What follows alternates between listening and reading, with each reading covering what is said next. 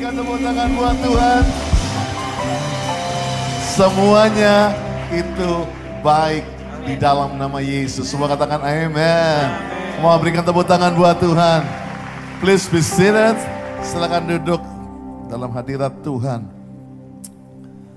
Wow, amazing. Berikan tepuk tangan buat praise and worship team, grow worshipers. Dahsyat banget malam ini.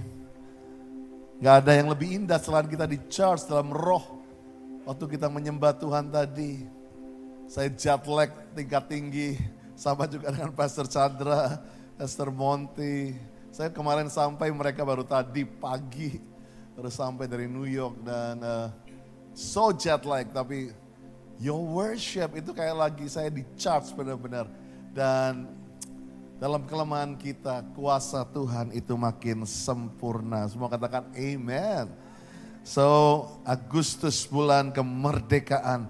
So, I speak freedom to your economy. Katakan amen. I speak freedom to your family. Amen. Ada kebebasan di keluarga keuangan. Saya perkatakan saya bisa melihat nyanyian-nyanyian kebebasan akan muncul di setiap komunitasmu. Dan saya percaya kita akan merayakan the anniversary of Growth Center yang ke-8. CK8, the new beginning. The number 8 is the new beginning. Dan puji Tuhan kalau Pak Niko boleh ada di tempat ini, don't miss. Yang sore kita kita prepare is like after party gitu ya. Kita akan buat service sore menjadi so good. I mean, uh, I'm gonna enjoy it yang sore minggu depan so don't miss it. Um, panggung ini akan berubah. Kita akan punya LED yang lebih besar, sewa, tapi abis itu akan stay di sini untuk selama-lamanya. Karena Tuhan give us a good, a new LED. So, gonna be amazing uh, anniversary service. Siap dengar firman Tuhan? Yang siap katakan yes. Saya akan berikan judul hari ini, Strong and Healthy Church, gereja yang sehat dan kuat. Semua bilang sehat dan kuat. Yuk doa Bapa dalam nama Yesus, GC demi nama Allah Bapa, Putra dan Roh Kudus akan menjadi gereja yang sehat dan kuat. Di mana di dalamnya ada pria wanita yang sehat dan kuat. Ada keluarga yang sehat dan kuat. Generasi yang sehat dan kuat.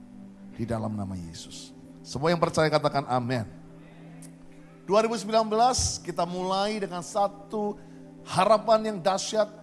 Kita deklarkan tahun 2019 adalah tahun kelahiran yang baru. Katakan amin. Ya sama-sama katakan 2019 tahun kelahiran yang baru. Lebih keras 2019 tahun kelahiran yang baru. The, the year of the new birth. Melahirkan tidak murah, tidak mudah, melahirkan perlu perjuangan, melahirkan perlu tenaga yang ekstra, lebih-lebih di titik-titik terakhir, di mana makin banyak uh, kontraksi, di semakin banyak rasanya halangan sakit, semakin dekatlah kita dengan melahirkan mujizat yang baru. Katakan amin. Saudara siap dapat rumah yang baru? Amin. Cuma di kanan yang kuat, yang kiri yang kalah kuat. Siap dapat promosi yang baru? Amin. Siap yang jomblo dapat jodoh? Haleluya. Kerja dulu, lulus dulu, jangan jangan jodohnya baru amin gitu ya. So saya percaya hari ini waktu kita mendapatkan tugas gereja ini akan mendapat kelahiran yang baru maka GC memberikan satu tools untuk kita boleh melahirkan kelahiran yang baru. Dapat kelahiran yang baru. Maka GC membuat strategi yaitu growing together in community. Kita harus tumbuh bersama-sama, katakan bersama-sama. Bagaimana bersama-sama makin kuat, together stronger, together higher, together warmer. Sama-sama lebih hangat, together saver, lebih selamat, saling menjaga. Nah, saya percaya dalam kita melahirkan dalam segala macam kesulitan, sama-sama kita makin bisa menguatkan. Sama-sama kita akan makin lebih jauh kita bergerak sama-sama. Together further. Oleh sebab itu kita belajar tahun ini dengan pertama kalinya gereja kita mulai membuat uh, khotbah series. Karena kita harus membangun kebersamaan kita, pengertian yang sama. Kita mulai kuarter satu dengan growing in values. Di mana kita belajar untuk nilai-nilai rumah ini. Rumah itu perlu punya nilai. Kita tahu DNA kita apa, yaitu restorasi pondok Daud. Di mana kita menjadi pasukan-pasukan yang gagah perkasa. Yang punya gaya hidup doa pujian penyembahan bersama-sama siang dan malam dan melakukan kehendak Tuhan pada zaman ini. Itulah kita disatukan menjadi DNA gereja ini. Dan lewat GC 7.0, di mana mulai God Center sampai God Culture, kita diajar nilai daripada rumah yang besar ini. Dan masuk kuarter kedua, kita belajar growing by with the same. Kita bertumbuh karena kita bersaksi. Kuarter yang ketiga ini, dan sekarang ini kita sedang belajar growing in spirituality bertumbuh bukan hanya diberkati tubuh jiwanya, tapi roh kita juga makin bertumbuh katakan amin. Dan nanti kita akan tutup dengan growing together in community. Bersama-sama tahun ini kita akan akhiri. Tumbuh bersama-sama dalam komunitas. Katakan amin. Tetapi saya percaya hari ini. Waktu kita mau jadi gereja yang sehat dan kuat. Kita bukan hanya mau jadi bertumbuh secara jumlah. Karena besar belum tentu sehat. Ya. Kecil belum tentu sakit. Banyak gereja-gereja yang cuman kecil tapi wow begitu akrab. Begitu saling kenal satu dengan yang lain. Bukannya kita nggak mengucap syukur punya gereja yang yang tahun ini Tuhan kita doa buat 3.500 jiwa. Tetapi kita mengucap syukur untuk kebesaran, untuk jumlah yang Tuhan tambahkan terus. Tapi jangan lupa kita harus mengejar semakin cepat jumlah bertumbuh harus diuji. Dan bulan ini, kalau bulan lalu kita belajar mengenai worship, bulan ini kita akan spiritual check up. Semua bilang check up. Nah, di sini siapa yang rajin rutin check up? Angkat tangan ya. Kalau saudara nggak berani menghadapi timbangan, Pasti ada yang ngeri di situ. Ya kan? Begitu naik, oh ini timbangannya rusak nih. Gitu, gitu. Disalahkan timbangannya. Lepas semuanya. Make sure, wah sampai jam tangan dilepas. So, berapa ons itu saudara. Semua cincin dilepas. Ada mujizat Tuhan dua kilo turun begitu. Kalau kita nggak berani menghadapi hasil lab kita, banyak bintangnya. Dan biarlah setiap khotbah kalau engkau masih tersentak, tersinggung. Itu artinya mungkin masih tanda bintang. Mau ucap syukur. Oh ada satu hal yang perlu kita perbaiki. Jangan kalau lihat lab dan ngambek, wah udah nggak bisa. Tetapi kalau mau hidup sehat, berani check up. Kedua, harus punya pola hidup sehat. Percuma kalau sudah check up doang tapi nggak berubah pola hidupnya. Rohani juga punya pola hidup sehat. Hati-hati harus cukup oksigen, yaitu roh kudus. Harus cukup air, minum banyak air, yaitu firman Tuhan. Ya, jangan makan junk food. Hati-hati apa yang kamu makan. Hati jangan lihat film-film yang mungkin akan mempengaruhi emosi saudara. Ya, well, I love K-pop drama, tapi jangan kebanyakan, jadi lebay nanti. Semuanya jadi so dramatik sampai dibawa-bawa ke cool nanti jadi drama-dramaan di sana. Tapi kita Hati-hati dengan apa yang kamu masukkan dalam dalam rohanimu. Apakah itu menyehatkan atau tidak. Jadi cara pola hidupnya itu juga harus hidup pola hidup sehat rohani saudara. Nah tapi untuk menjadi kuat, bukan hanya check up dan pola hidup sehat, tapi kuat ini perlu exercise, perlu latihan. Kalau saudara mau kuat lari jalan 10 km, jangan mendadak langsung 10 km, bisa besoknya langsung nggak bangun saudaraku. Karena nggak biasa. Tapi kita mulai latihan satu kilo dulu. Dua kilo, tiga kilo. Maka sepuluh kilometer nanti nggak berasa. Oleh sebab itu kalau kita mau jadi gereja yang kuat. Kita perlu latihan. Dan latihan yang paling bagus itu latihan beban. Katakan beban. Beban itu saya samakan dengan proses. Lewat empat tahun banyak khotbah di sini Gereja ini tidak anti dengan proses. Karena proses buat kita lebih kuat dengan Tuhan. Berikan tepuk tangan bagi nama Tuhan. Otot-otot rohanimu mulai muncul. Waktu kita diizinkan Tuhan, oke, okay, Sekarang kamu coba dulu nak ya 10 kilo. Waduh berat Tuhan. Coba, coba ayo. Ya, ya Tuhan bisa. Begitu bisa, oke. Sekarang 20 kilo. Waduh teriak-teriak. Betul, ayo bisa lagi, bisa. Satu kali, dua kali, 30 kilo, 40 kilo. Tapi nggak berasa. Tiba-tiba kekuatan kita Tuhan perbesar. Sebab itu biarlah GC masuki anniversary yang ke-8. Menjadi gereja yang sehat dan kuat. Katakan amin. Empat tanda yang harus check up hari ini. Sebagai gereja yang sehat dan kuat yang pertama adalah kedewasaan kita. Maturity kita. Semua bilang maturity. Orang dewasa belum tentu punya kedewasaan. Pikirkan ini. Istri-istri mulai senggol suaminya. Betul. Dewasa umurnya, masih main game pak tapi seperti itu. Masih ya wah gak bisa terlepas dari games. Masih apa, masih tidur sampai siang. Karena orang dewasa belum tentu punya kedewasaan. Umur yang makin tua belum tentu dia punya kedewasaan. Iya dia sudah dewasa, udah tua.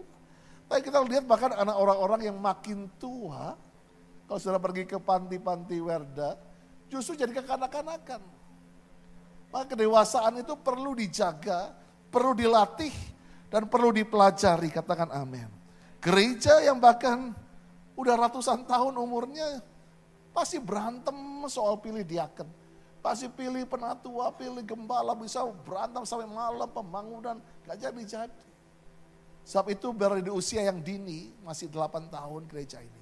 Yuk kita mengusahakan kedewasaan dalam hidup kita. Yang mau katakan amin. Roma 12 ayat 2, janganlah kamu menjadi serupa dengan dunia. Tetapi gereja yang sehat dan kuat, berubahlah oleh pembaruan budimu. Sehingga kita dapat membedakan manakah kehendak Allah yang baik, yang berkenan kepada Allah dan yang sempurna. Kata sempurna di sini adalah maturity atau bahasa asli telios. Telios artinya matang, sempurna, finish, the masterpiece, hasil akhir, hasil yang terbaik. Sehingga Tuhan katakan, yuk berubah pikiranmu. Dunia sering kali bilang, udah cukup sama yang baik. Udah ada, dia ambil, dia ini jodohnya. Tuhan bilang, no, no, stop dulu, belum tahu belum ini. Ada yang berkenan, oh udah berkenan, udahlah berkenan sama orang tua, berkenan sama teman. Tapi Tuhan mau hari ini, generasi ini, gereja ini, Bukan hanya yang baik yang berkenan, tetapi satu kehendak Tuhan yang mature, yang sempurna, kehendak Tuhan yang dewasa, yang mau katakan amin. Saya suka terjemahan ayat ini lebih jelas lagi. Waktu Paulus ngomong ini dalam The Message. Dikatakan, don't become so well adjusted to your culture. Kita ada kebudayaan memang. Kebudayaan itu baik kalau artinya begini. Relevan Bukan berarti kita berarti kita mengikuti semua tren. Tetapi kita mencoba bahasa, musik, bahasa yang baru. Kita harus mengerti oh budaya ini cara ngomongnya begini. Gereja harus mengerti hal itu. Relevan bukan berarti kompromi, relevan bukan berarti ikut-ikut dunia, tapi relevan tahu bagaimana cara mengapproach, mengoutreach generasi pada zamannya. Daud berkenan di zamannya karena dia tahu bagaimana cara menjangkau generasi pada zaman itu. Itu relevan. Tapi bukan berarti gereja yang sehat dan kuat menjadi adjusted. Wah MTV begini kita kita ambil begini, bule sukanya begini kita ambil. Oh belum tentu yang di Amerika sukses, di sini bisa yang mengerti katakan amin. Saya sering ngomong-ngomong pada pemimpin, eh jangan cuman cuman adopt, kita pergi ke conference-conference belajar dari keberhasilan kegagalan mereka. Tapi kami selalu berkesimpulan waktu di hotel kami mulai discuss. Nggak semua yang di gereja-gereja di bule itu bisa kita lakukan di Indonesia. Karena Tuhan punya cara yang khusus buat gereja di Indonesia. Tuhan punya urapan khusus buat saudara dan saya di Indonesia. So jangan gampang adjusted to the culture. Dan dikatakan selanjutnya instead fix your attention Biarlah perhatianmu, fokusmu hanya kepada Tuhan, on God. Kamu, you will be changed from the inside out. Kedewasaan itu adalah perubahan dari dalam keluar. Ingat kedewasaan bukan cuma luarnya dewasa, tapi dalamnya dewasa. Perubahan itu dari inside out. Readily recognize what he wants from you. Kamu harus orang dewasa mengerti apa yang Tuhan mau. Dan langsung respon.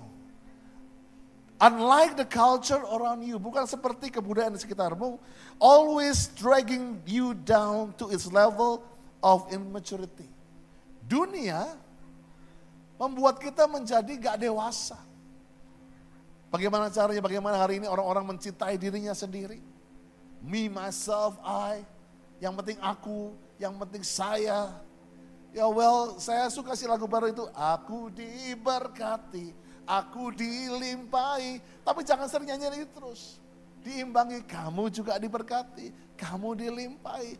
Kalau buat aku kencang nyanyinya. Tapi waktu buat orang lain harus lebih kencang. Karena orang dewasa, dia tahu waktu orang lain diberkati, ada sukacita.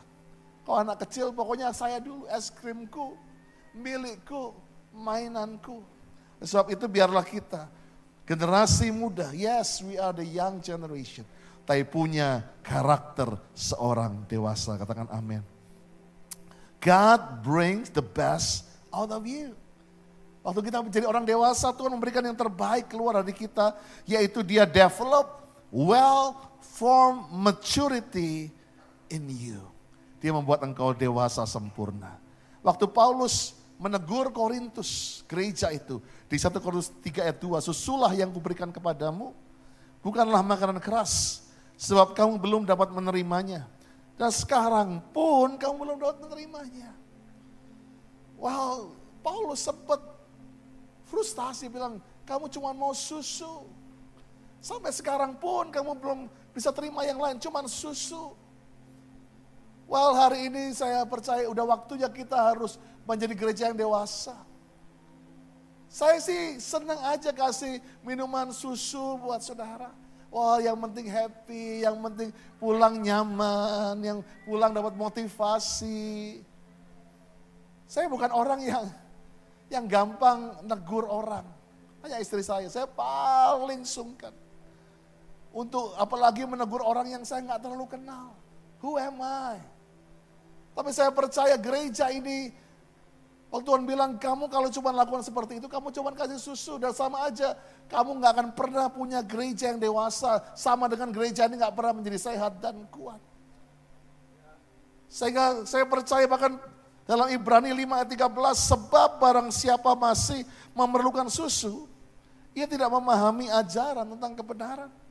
Kamu nggak bisa terima the truth, karena you know, Anak kecil sering kali di ngomongin the truth juga, apa sih? Kok gini sih? Gak bisa menerima the truth. Can you handle the truth? Gak bisa anak kecil. Dan sekarang pun, maaf, sebab ia adalah anak kecil. Ibrani 5 ayat 14, tetapi makanan keras adalah untuk orang-orang dewasa yang karena mempunyai panca indera yang terlatih untuk membedakan yang baik daripada yang jahat. Kedewasaan itu harus bisa dirasakan. Kedewasaan itu harus bisa dirasakan. Kalau dilihat gak bisa. Kamu anaknya, oh kamu masih baby face. Dan waktu kamu mulai spend time dengan dia, oh dia dewasa juga. Cara dia mengalami proses, cara dia memilih, cara dia untuk meresponi tekanan, itu kelihatan dewasanya atau tidak. Sebab itu pastor percaya hari ini. Kita sepakat ya kita mau jadi gereja yang dewasa yang mau katakan amin. Ya kan? Kita mau siap untuk makanan yang keras, katakan amin. So let's let's be a gereja yang mau terima makanan keras.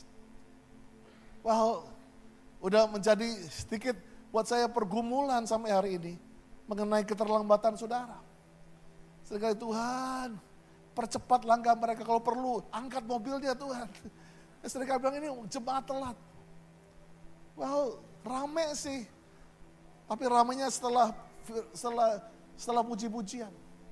Ini service pastor di sini Pak Bertoni yang paling keep track. pastor jam segini, jemaat cuma segini. Seringkali kami mulai cuma cuma 100 orang. Cuma 200 orang lain terlambat. Saya percaya kalau kita orang dewasa, maka tepat waktu itu adalah tanda honor, menghormati. Dan saya mau katakan itu bukan menghormati pastor, no. Bukan menghormati WL Tuhan. But we are honoring the King of King, the Lord of Lords. His name is Jesus. Come on, berikan tepuk tangan. Saya punya budaya di sini ke, ke on time is late. Jadi semua make sure kita buat on time di sini. Even uh, khotbah saya, saya selalu saya selalu dimarahin, Pastor, you need to be on time. Oke, okay, I'll try, I'll try. Untuk, untuk tepat waktu boleh selesai. Tetapi kita belajar terus menjadi dewasa untuk menghargai waktu. Kalau puji-pujian saya rasakan panjang, saya harus saya ujikan lebih panjang puji-pujian karena lagi dilawat. Artinya khotbah saya harus diperpendek. Saya nggak bisa egois menahan waktu saya. Sebab itu saya, kalau saudara ingin ketemu dengan orang yang saudara hormati, saudara akan datang lebih tepat waktu.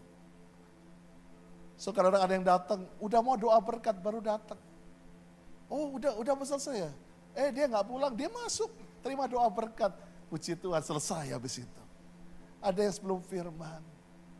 Sebab itu saya minta. Saudara mau jadi dewasa, amin. So I need you. Saya dari hati saya, saya bilang, come on, come. Dan tunjukkan kedewasaan kita sama-sama. Jadilah orang-orang yang tepat waktu. Jadilah orang-orang yang, baik kenapa saya sekarang harus berhenti kalau ada anak-anak yang menangis. Bukan saya, bukan saja saya terganggu, tetapi kanan kiri bapak ibu saudara juga terganggu.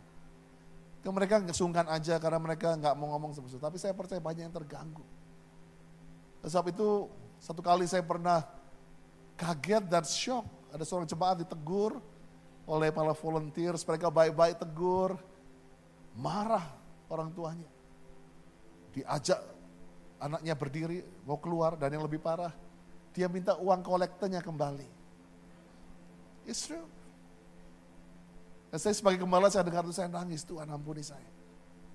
And I have to tell you this.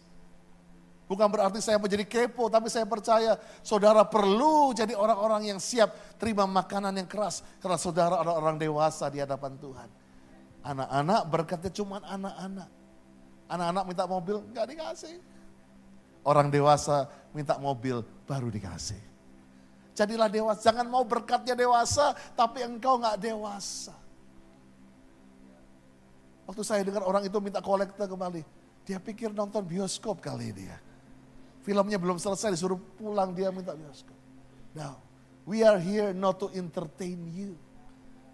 But we are here to entertain him. Dialah pusat di antara segalanya. Yang terima segala puji-pujian. So kita nggak di sini untuk, ya yeah, well we serve you. Supaya saudara nyaman. We serve you. Saudara pikir ini para para volunteer di sini digaji untuk, no mereka gratis. Mereka kasih waktunya untuk melayani saudara. So why don't you as an adult juga respect mereka. Kau bilang, Pak duduk di sini. Pak tutup dulu supaya di sini. Jangan dipelototin saudaraku. Jangan dimarahin. Jangan ditabrak. Kalau mereka udah kasih Pak duduknya di sini. Oh ini kalau angin. Mereka udah coba cari tempat yang di mana anginnya enggak. Mereka lakukan semua secara freely, voluntarily. So respect them. Appreciate them. Sebagai orang-orang yang dewasa. Ke mana berikan tepuk tangan bagi nama Tuhan. Kedewasaan itu dirasakan juga dari buahnya.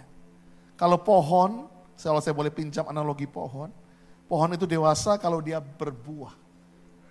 Pohon itu nggak dewasa kalau cuma punya pohon, nggak punya hanya cuma punya daun, nggak. Tapi pohon itu dewasa kalau sudah berbuah. Dan pohon itu buasnya bukan cuma sampai berbuah, tapi buahnya dinikmati dan dimakan orang. Baru dia rasanya wow, dia tidur smiling karena buahnya direbutin sama orang. Orang datang berbondong-bondong datang. Itu orang dewasa yang sempurna. Dia nggak cuma senang, wah aku diberkati, aku dilimpahi, wah dapat mobil, wah senang, senang, senang. Tapi waktu ada orang datang, kita mulai pinjami, kita mulai ajak dia makan, mulai mulai memberkati orang lain. Orang dewasa yang sempurna itu lebih bahagia waktu bisa melihat orang lain juga menikmati berkat itu. That's the full maturity. Gereja ini adalah gereja yang harus dewasa secara sempurna. Lukas 3 ayat 8, jadi hasilkanlah buah sesuai dengan pertobatan. Jadi buah dewasa kita adalah dewasa dari pertobatan kita. Waktu engkau bisa bertobat dengan benar, buah pertobatannya harus bisa dinikmati orang. Jangan berpikir dalam hatimu Abraham bapak kami. Kami adalah anggota gereja. Kami sudah ikut kom. Karena aku berkata kepadamu, Allah bisa menjadikan anak-anak Abraham dari batu ini. Kapak tersedia pada akar pohon. Setiap pohon tidak menghasilkan buah yang baik ditebang, dibuang dalam api. Dan doa saya, GC ulang tahun ke-8, buahmu seperti tulis oleh Galatia 5:22. Tetapi buah roh ialah kasih, sukacita, damai sejahtera, kesabaran, kemurahan, kebaikan, kesetiaan, kelemah lembutan, penguasaan diri biarlah gereja ini keluar dan orang-orang bisa, wow, dia bisa menguasai diri, dia setia, dia murah hati, baik, dia lemah lembut. Dan biarlah buah itu yang membuat orang-orang di luar sana datang dan menerima Kristus. Berikan tepuk tangan buat Tuhan. Number two, yang harus kita check up gereja yang sehat dan kuat adalah keintiman kita. Apakah kita cuma intim sama berkat Cuman intim cinta sama kesembuhannya. Cuman intim sama posisi, sama jawaban doa. Tapi saya percaya biarlah seperti Markus 12 berkata ayat 30, kasihilah Tuhan. Love your God, Allahmu, dengan segenap hatimu, segenap jiwamu, dengan segenap akal budimu, dengan segenap kekuatanmu yang artinya everything. God is the only one and the number one in our life. Dia nomor satu dan satu-satunya dalam kehidupan kita. Saya percaya keintiman itu membawa ketenangan bagi kita. Kalau kita bisa intim, kita kenal Tuhan. Makanya Hosea berkata, marilah berusaha. Semua bilang berusaha. Berusaha sungguh-sungguh mengenal Tuhan. Kalau kita kenal, kita intim dengan Tuhan, tenanglah kita. Engkau gak kenal Tuhan, makanya engkau menjadi panik. Dan hukum yang kedua, tadi kita teruskan Markus 12 ayat 31. Ialah kasihlah sesama manusia seperti dirimu sendiri. Tidak ada hukum lain lebih utama daripada kedua hukum ini. Keintiman gereja sehat dan kuat adalah yang saya mau. Biarlah GC menjadi gereja yang love God and love people. Kita mengasihi Tuhan. Tapi jangan cuma Tuhan. Tapi kita nggak bisa menjadi orang yang mengasihi sama kita. If you love God, maka kasih Tuhan itu mengalir di hatimu. Dan engkau mempunyai kasih seperti Yesus. Dan itu akan mengalir seperti sungai. Yang akan dinikmati istrimu, suamimu, anak-anakmu, tetanggamu, sampai komunitasmu, sampai seluruh bangsa ini. Yang mau katakan amin. Check up bulan ini passion saudara. Passion adalah satu mesin yang merupakan cinta yang luar biasa.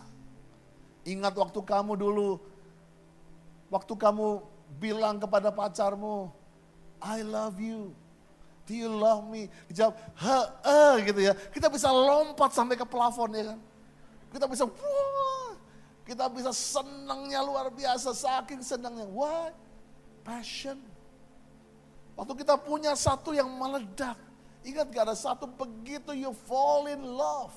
Kamu begitu intim dengan sesuatu atau seseorang. Maka kamu bisa bayar harga tanpa kamu menderita. Kamu melayani dulu karena kamu masih punya keintiman yang sejati. Nggak pakai embel-embel. Tuhan gue layani tapi kesembuhkan ya. Tuhan gue layani ya tapi berkati enggak. Terus cuma I want to serve you. I want to love you. That's it. Dulu kita sama pacar kita. Kenapa macet kayak apa jadi kayak sorga rasanya. Karena kita tahu orang dikasih kita dekat dengan kita. Seperti Wilson bilang, biarkan macet sampai selama-lamanya dia bilang waktu itu kan. Ya karena begitulah orang yang jatuh cinta, dia nggak mau pisah. Nah bagaimana dengan keintiman saudara? Apa cuma satu jam nyanyi seminggu membosankan? Atau kamu nggak bisa stop loving him? Jangan seperti para murid yang tiga setengah tahun bergaul dengan Yesus tapi bilang, Tuhan kamu mau buat kami mati. Padahal Tuhan ada di kapal itu, waktu gelombang itu ada. Sehingga Yesaya 30 ayat 15. Sebab beginilah firman Tuhan Allah yang Maha Kudus Allah Israel. Dengan bertobat tinggal diam, kamu diselamatkan. Dalam tinggal tenang dan terletak kekuatanmu. Orang yang intim dia bisa tinggal tenang dan percaya. Kalau kamu tahu Tuhanmu, kamu akan dikuasai dengan kepanikan. Waktu ada gelombang, ada badai. Maka engkau berkata kepada jiwamu, Find rest my soul in Christ alone. know His power in quietness and trust. Sekali lagi, find rest my soul. Find rest my soul in Christ alone. Know His power. Know His power in quietness and trust. When the oceans rise, the thunders roar, I will soar with you above the storm. Father, you are king over the flood. I will be still, know you are God when the oceans rise. Ayo orang-orang yang intim katakan, and I will soar with you above the storm, God. You are King over the flood. I will be still, know you. Are not. Di saat badai. Uh, ya.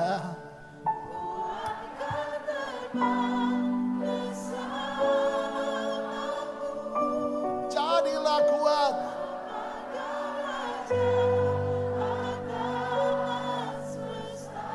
Kami tenang, ku tenang sebab Mohon berikan tepuk tangan buat Allah yang dahsyat. Uh. Tuhan itu baik, Tuhan itu baik. Sungguh baik, sangat baik. Yang ketiga, gereja yang sehat dan kuat harus dicek up kestabilannya. Hari-hari ini yang banyak penyakit daripada generasi ini adalah labil banget. Gak stabil. Satu hari bisa A, satu B, C. Gak bisa konsisten. Baru les bahasa Inggris. Dua minggu pindah les bahasa Prancis. Tiga hari belajar bahasa Prancis, belajar Jawa semuanya. Gak ada yang bisa konsisten. Tapi itu saya percaya bahwa Efesus 4 berkata, sampai kita semua telah mencapai kesatuan iman dan pengetahuan yang benar tentang anak Allah, kedewasaan penuh dan tingkat pertumbuhan yang sesuai dengan kepenuhan Kristus. Sehingga ayat 14 kita bukan lagi anak-anak yang diombang-ambingkan oleh rupa-rupa angin pengajaran. Stabil, nggak gampang diombang-ambingkan oleh permainan palsu manusia dalam kelicikan mereka yang menyesatkan. Tetapi dengan teguh berpegang kepada kebenaran dalam kasih. Kita bertumbuh dalam segala hal ke arah dia Kristus yang adalah kepala. Katakan amin. Kestabilan di sini. Gereja bisa stabil kalau punya fondasi yang dalam dan kuat. Katakan amin. Kalau kamu tahu membangun rumahmu punya fondasi yang kuat, Mau tingginya kayak apa? Semakin dalam fondasinya. Maka kemarin earthquake, kamu nggak panik. Kamu tahu kekuatan daripada bangunan rumah kamu. Apalagi kalau ada sertifikat anti earthquake. Semua yang kontraktor tahu bagaimana kalau di Manado mah biasa itu earthquake, goyang-goyang sedikit ya kan. Saya pernah lagi rapat di sana, skala 5, wah semua mau lari, semua orang Manado tetap makan semua. Mereka nggak lari keluar, saya bilang ini ada apa? Ya. Saya sempat waktu itu di Jakarta beberapa bulan lalu ya, eh, tahun lalu. Saya lagi makan sama orang bule di Plaza Senayan, goyang tiba-tiba. Oh, orang Indonesia panik sebentar, lima menit. Habis itu makan lagi saudaraku. Orang boleh bilang, kita harus keluar ini. Ah gak apa-apa. Begitu tenang kita emang begitu ya. Tenang banget gitu. Orang boleh yang, ayo kita harus keluar, harus harus ada di lapangan parkir segala macam. Tetapi saya percaya kalau kita punya fondasi yang dalam, berakar dengan Tuhan. Sebab itu di gereja ini kita mengajar saudara untuk berakar dalam firman Tuhan. Katakan amin. Sebab itu marilah kita di sini ada komunitas Bible Study Pak Monty buat ada kom. Tadi kami baru wisuda um, berapa angkatan di sini dan cukup banyak yang selesai kom 100, kom 200. Dan biarlah ini menjadi kehausan daripada gereja ini untuk belajar. Karena saya percaya waktu engkau belajar firman Tuhan. Seperti orang yang intim dengan baca surat pacarmu. Maka kalau engkau intim engkau juga mau baca surat cintanya Tuhan. Yaitu Alkitab. Katakan amin. Dan waktu engkau baca itu engkau menjadi orang yang berakar, berakar. Gak gampang lagi nanti diombang ambingkan dengan pengajaran palsu. Allahmu tiga, dua, satu. Nanti Pak Monti akan buat uh, modul Allah Tritunggal yang menurut pandangan Alkitab yang benar seperti apa. Supaya saudara bisa mengerti. Tapi ada satu hal juga kestabilan berkata mengenai konsistensi.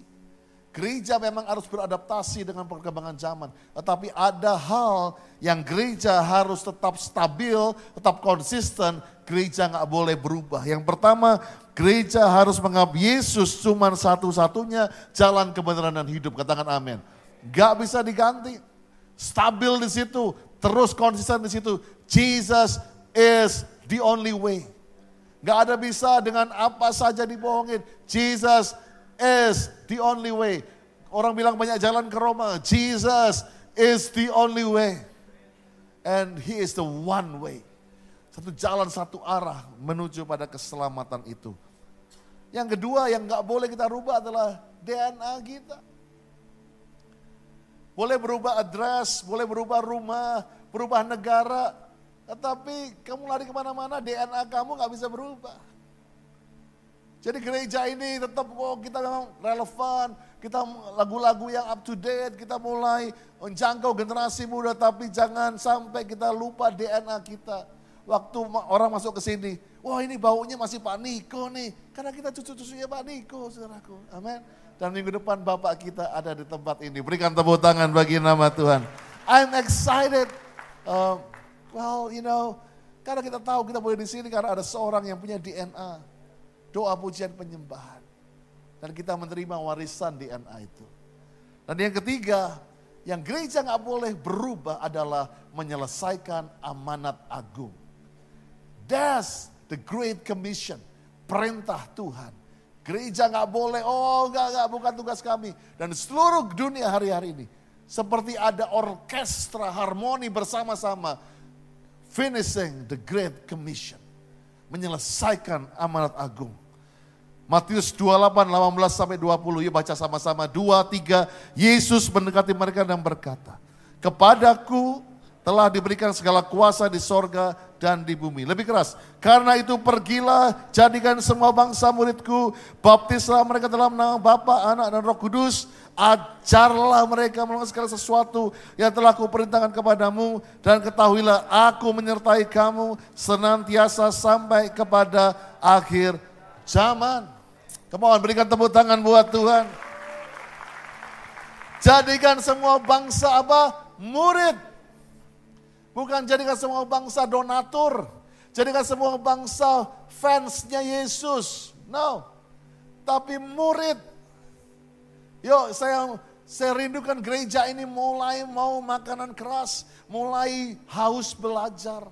Karena orang yang stop belajar adalah tidak lagi menyiapkan masa depannya. Kalau CEO dunia itu baca 52 buku setahun. Kita baca satu pasal aja nggak habis-habis dua tahun. Ya kan? Come on, finish reading your Bible, belajar mulai. Saya paksakan diri saya untuk baca-baca buku hari-hari ini. Mulai tukar-tukar dengan Pak Chandra buku yang sudah kita baca. Karena kita tahu waktu kita terus belajar. Kita mempersiapkan masa depan yang luar biasa. Katakan amin. Bahkan di Markus 16 yang sama, lalu ia berkata kepada mereka, pergilah ke seluruh dunia, beritakan Injil kepada segala makhluk. Siapa yang percaya dan dibaptis selamatkan, yang tidak percaya akan dihukum. Itu misi kita. Itu adalah sesuatu yang gereja nggak boleh berubah, yaitu Great Commission. Dan yang terakhir, gereja GC. Jangan cuma repot dengan tampak. Saya percaya biarlah gereja kita bukan cuma Instagramable. Bukan hanya bagus di Instagram. Bukan hanya bagus di percakapan orang-orang. Bukan hanya, oh itu gereja lagi tren. No, no, no, no. Gereja ini harus membuat dampak. Kita harus pasang termometer itu. Berapa dampakmu? Karena dunia mengajarkan yang penting tampaknya bagus. Tapi saya percaya Terima kasih untuk your generosity. Kita mulai sedikit-sedikit mulai melangkah, mulai bangun uh, rumah, sekolah di di Wamena. Kita mulai bangun Wamena Grow, ada, ada sekolah kita yang namanya Grow di sana. Kita mulai bangun aula gereja di Palu. Dan saya sedang uh, beradakan meeting dengan gereja-gereja di Nias. Ada banyak gereja yang perlu dibangun di sana. Marilah kita bukan hanya menjadi gereja ibu kota, gereja yang mungkin hype, tapi gereja yang memberi dampak ke setiap pulau, kota, kampung, di mana pun, setiap suku di Indonesia. Mulai berdampak, saya kita mulai membangun komunitas-komunitas yang perlu dibapai. Sebab itu mari kita buat impact. Karena Matius 5 berkata, kamu adalah garam dunia. Jika garam menjadi tawar, dengan apakah ia diasinkan? Gak ada dampaknya lagi. Tidak ada gunanya lain selain dibuang dan diinjak orang. Kamu terang dunia. Kalau terang dunia taruh di bawah gantang, gak ada artinya. Gak ada dampak. Dan saya percaya dampak kepada gereja yang terbesar. Bukan hanya mengumpulkan jemaat yang banyak. But saving the lost. Sesuatu yang yang engkau gak bisa tarik yang gak bisa orang deny. Orang bisa datang kepada kamu, thank you for saving me. Thank you untuk mengenalkan saya pada Yesus. Dan bila gereja ini akan terus berjalan. Waktu April tahun lalu kita membuat, memutuskan gravitasi GC adalah saving the lost.